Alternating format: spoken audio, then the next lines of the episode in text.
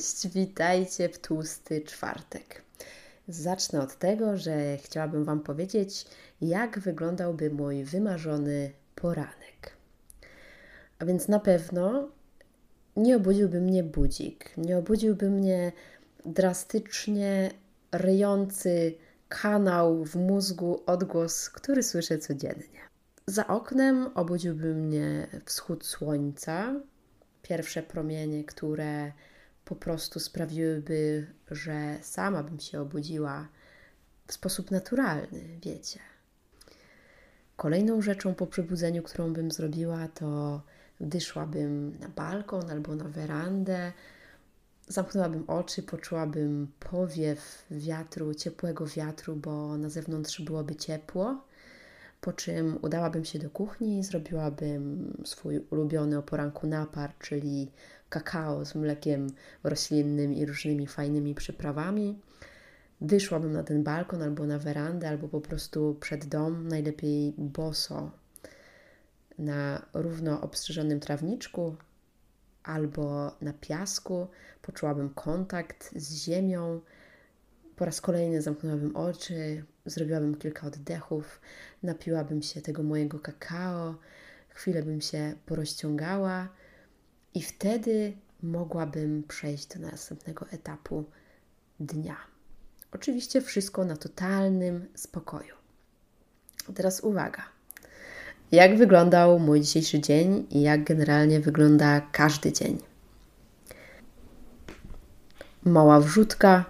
Mój sąsiad bierze prysznic i chyba to będzie słychać na nagraniu. Nie wiem, czy jeszcze jestem ekspertem w dziedzinie edycji tego oto materiału. Natomiast jeżeli będziecie słyszeć odgłos prysznica, spadającej wody, po prostu olejcie to. A więc swój dzień dzisiaj zaczęłam bardzo wcześnie, bo powiedzmy o 5.20 obudził mnie mniej więcej taki odgłos.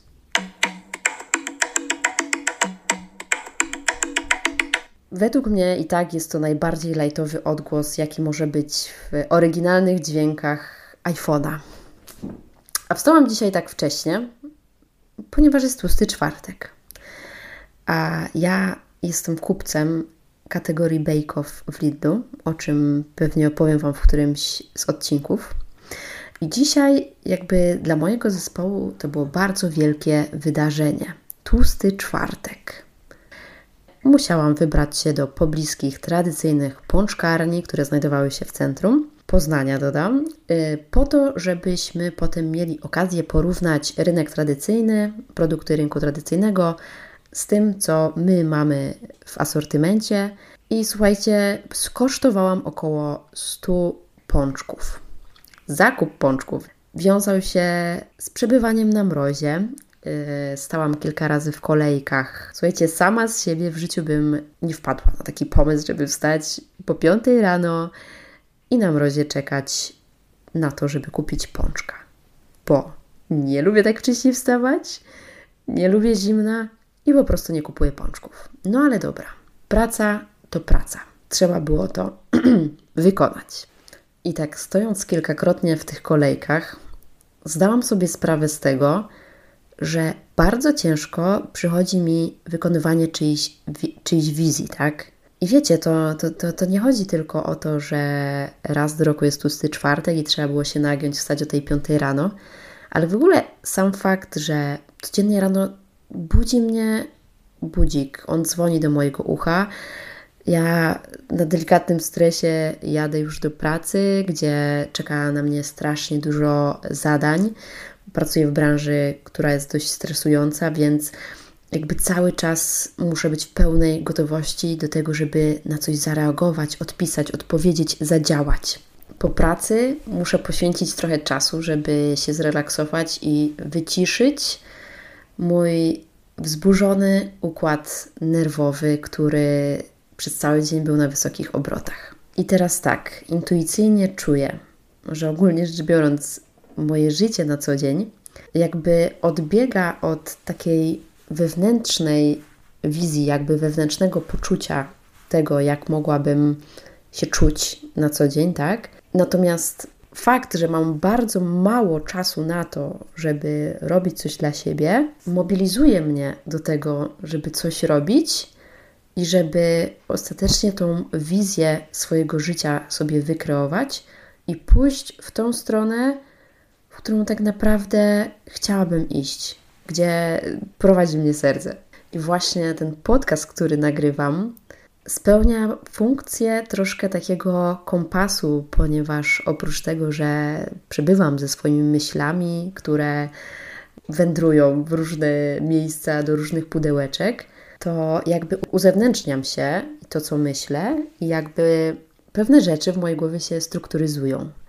I ja mam taką nadzieję, że właśnie ten pierwszy krok i każdy kolejny przybliży mnie do wykreowania swojej wizji życia czego Wam również życzę i mam nadzieję, że razem ze mną wspólnie przejdziemy przez ten etap. Bardzo bym sobie tego życzyła i Wam również, bo może jest ktoś taki jak ja, który, kto czuje jakby wewnętrzny sprzeciw co do takiego życia na co dzień i chciałby razem ze mną albo sam ze sobą wykonać jakieś kroki po to, żeby przybliżyć się do swojej wizji.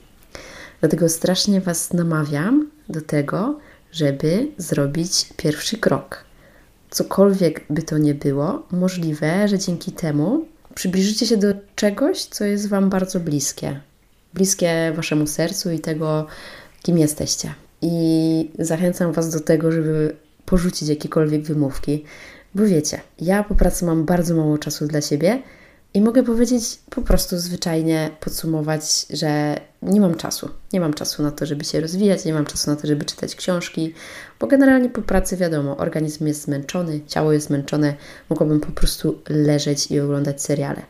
Co mi się czasem zdarza, ale warto ten czas, który jest nam dany, poświęcić na to, żeby dojść do sedna Dlatego nie czekajcie, zróbcie pierwszy krok. Czy to by miało być zapisanie się na lekcję jakiegoś tańca, czy nie wiem, zmiana pracy, nauka nowego języka, zapisanie się na jakiego, na, do jakiegoś forum, kupienie jakiegoś kursu online, cokolwiek, co czujecie, po prostu to zróbcie. A teraz, już kończąc moją, moje przemyślenia dnia dzisiejszego z kolejki, popączki, mm, opowiem Wam coś o kilka ciekawostek o tłustym czwartku.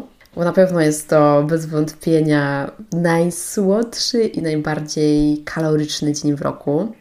I w zasadzie jest on zwiastunem końca karnawału e, i stanowi początek jego ostatniego tygodnia.